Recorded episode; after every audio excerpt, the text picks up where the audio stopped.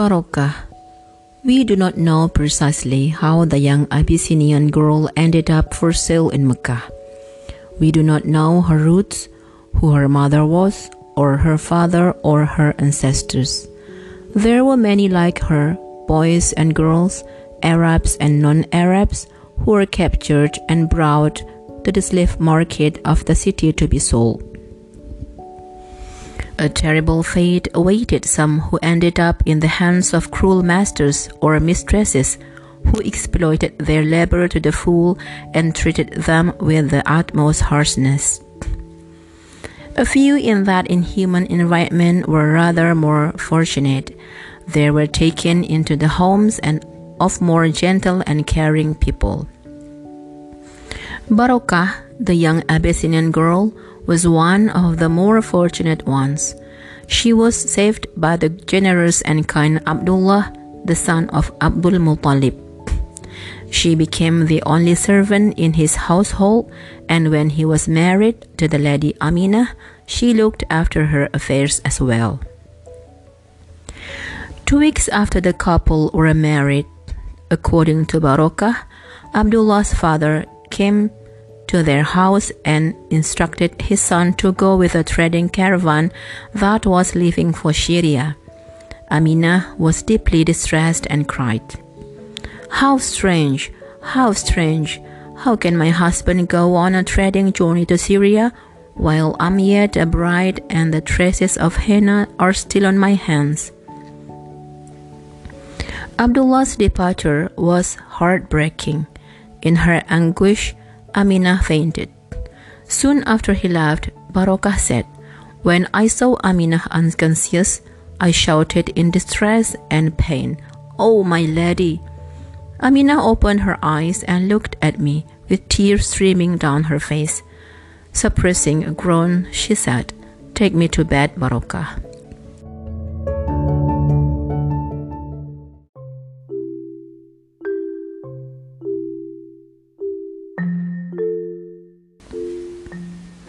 Amina stayed bedridden for a long time. She spoke to no one. Neither did she look at anyone who visited her except Abdul Muttalib, that noble and gentle old man. Two months after the departure of Abdullah, Amina called me at dawn one morning and, her face beaming with joy, she said to me, O Barokah, I have seen a strange dream. Something good, my lady, I said. I saw lights coming from my abdomen lighting up the mountains, the hills, and the valleys around Mecca. Do you feel pregnant, my lady? Yes, Barokah, she replied, but I do not feel any discomfort as other women feel. You shall give birth to a blessed child who will bring goodness, I said. So long as Abdullah was away, Amina remained sad and melancholic. Barokah stayed at her side trying to comfort her and make her cheerful by taking to by talking to her and relating stories. Amina, however, became even more distressed when Abdul Muttalib came and told her she had to leave her home and go to the mountains as other Meccans had done because of an impending attack on the city by the ruler of Yemen, someone called Abraha. Amina told him that she was too grief stricken and weak to leave for the mountains, but insisted that Abraha could never enter Mecca and destroy the Kaaba because it was protected by the Lord. Abdul Muttalib became very agitated, but there was no sign of fear on Amina's face. Her confidence that the Kaaba would not be harmed was well founded. Abraha's army with an elephant in the vanguard was destroyed before it could enter Mecca. Day and night, Barokah stayed beside Amina. She said, I slept at the foot of her bed and heard her groans at night as she called for her absent husband. Her moans would awaken me, and I would try to comfort her and give her courage. The first part of the caravan from Syria returned and was joyously welcomed by the trading families of Mecca. Barakah, Barakah went secretly to the house of Abdul Muttalib to find out about Abdullah but had no news of him. She went back to Amina but did not tell her what she had seen or heard in order not to distress her. The entire caravan eventually returned, but not with Abdullah. Later, Barakah was at Abdul Muttalib's house when news came from Yathrib that Abdullah had died. She said, I screamed when I heard the news. I don't know what I did after the experience except that I ran to Amina's house shouting, lamenting for the absent one who would never return, lamenting for the beloved one for whom we waited so long, lamenting for the most beautiful youth of Makkah, for Abdullah, the pride of the Quraysh. When Amina heard the painful news, she fainted, and I stayed by her bedside while she was in a state between life and death. There was no one else but me in Amina's house. I nursed her and looked after her during the day and through the long nights until she gave birth to her child, Muhammad. On a night in which the heavens were re- resplendent with light of God. When Muhammad was born, Barakah was the first to hold him in her arms. His grandfather came and took him to the Kaaba and with all Makkah celebrated his birth. Barakah stayed with Amina while Muhammad was sent to the Badia with the lady Halima, who looked after him in the bracing atmosphere of the open desert. At the at the end of five years, he was brought back to Mecca, and Aminah received him with tenderness and love, and Barakah welcomed him with joy, longing, and admiration. When Muhammad was six years old, his mother decided to visit the grave of her husband Abdullah in Yathrib. Both Barakah and Abdul Muttalib tried to dissuade her. Amina, however, was determined. So one morning they set off. Amina, Muhammad, and Barakah huddled together in a small haudaj mounted on a large camel, part of a huge caravan that was going to Syria. In order to shield the tender child from any pain and worry, Amina did not tell Muhammad that she was going to visit the grave of his father. The caravan went at a brisk pace Barakah tried to console Amina for her son's sake, and much of the time the boy Muhammad slept with his arms around Baraka's neck. The caravan took 10 days to reach Yathrib. The boy Muhammad was left with his maternal uncles of the Banu Najjar, while Aminah went to visit the grave of Abdullah. Each day for a few weeks, she stayed at the grave. She was consumed by grief. On the way back to Mecca, Aminah became seriously ill with fever. Halfway between Yathrib and Mecca, at a place called Al Abwa, they stopped. Aminah's health deteriorated rapidly. One pitch dark night, she was running a high temperature. The fever had got to her head and she called out to Barakah in a choking voice. Barakah related. She whispered in my ear, O Baroka, I shall depart from this world shortly. I commend my son Muhammad to your care. He lost his father while he was in my abdomen. Here he is now, losing his mother under his very eyes. Be a mother to him, Baroka, and don't ever leave him. My heart was shattered, and I began to sob and wail. The child was distressed by my wailing and began to weep. He threw himself into his mother's arm, arms and held tightly onto her neck. She gave one last moan and then was forever silent. Barakah wept. She wept bitterly With her own hands, she dug a grave in the sand and buried Amina, moistening the grave with whatever tears were left in her heart. Barakah returned with the orphan child to Mecca and placed him in the care of his grandfather. She stayed at his house to look after him. When Abdul Muttalib died two years later, she went with the child to the house of his uncle Abu Talib and continued to look after his needs until he was grown up and married the lady Khadijah. Barakah then stayed with Muhammad and Khadijah in a house belonging to Khadijah. I never left him and he never left me, she said. One day Muhammad, may Allah bless him and grant him peace, called out to her and said, Ya Ummah. He always called her mother. Now I am a married man and you are still unmarried. What do you think if someone should come now and ask to marry you? Barakah looked at Muhammad and said, I shall never leave you. Does a mother abandon her son? Muhammad smiled and kissed her head. He looked at his wife Khadijah and said to her, This is Barakah. This is my mother after my own mother. She is the rest of my family.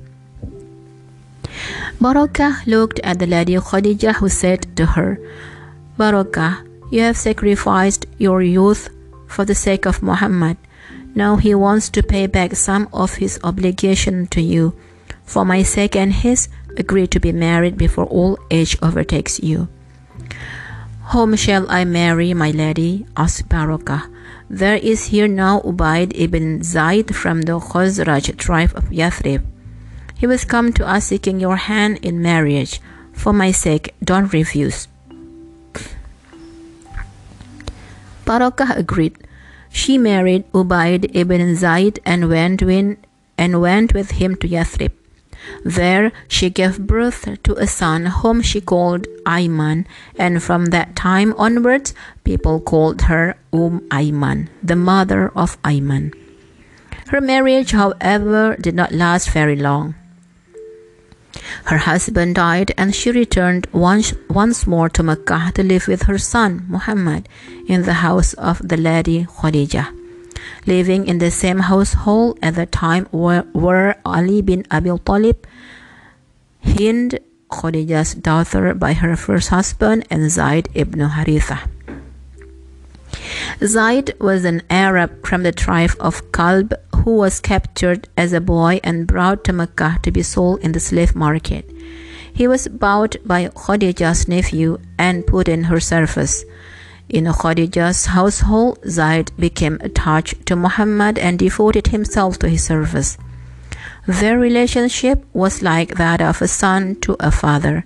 Indeed, when Zaid's father came to Mecca in search of him, Zaid was given the choice by Muhammad of either going with his father or staying with him. Zaid's reply to his father was, I shall never leave this man. He has treated me nobly, as a father would treat his son. Not a single day have I felt that I am a slave. He has looked after me well. He is kind and loving towards me and strives for my enjoyment and happiness. He is the most noble of men and the greatest person in creation. How can I leave him and go with you? I shall never leave him. Later in public, Muhammad proclaimed the freedom of Zaid. However, Zaid continued to live with him as part of his household and devoted himself to the service. When Muhammad was blessed with the prophethood, Barakah and Zaid were among the first to believe in the message he proclaimed. They bore they bore with the early Muslims the persecution which the Quraysh meted out to them.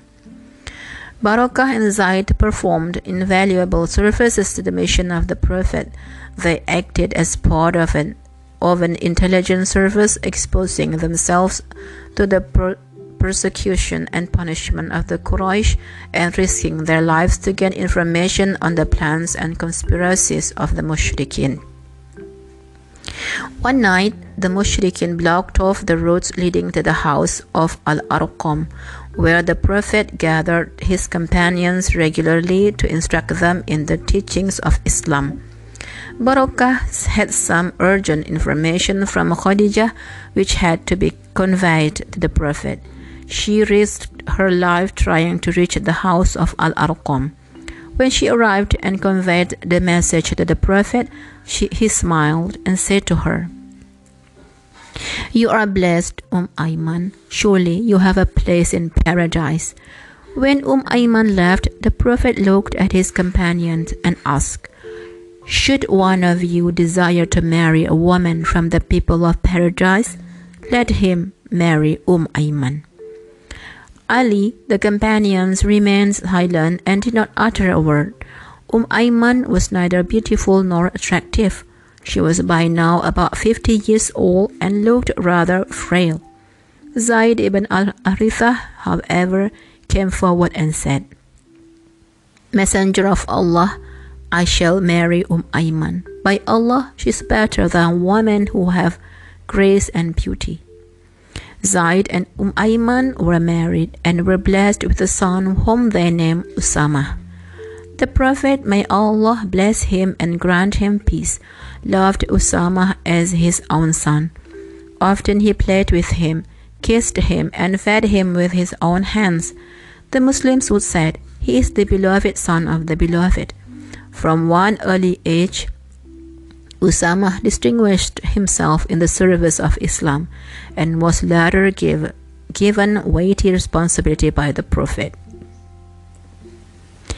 When the Prophet migrated to Yathrib, henceforth to be known as Al Madinah, he left Umm Ayman behind in Mecca to look after certain special affairs in his household.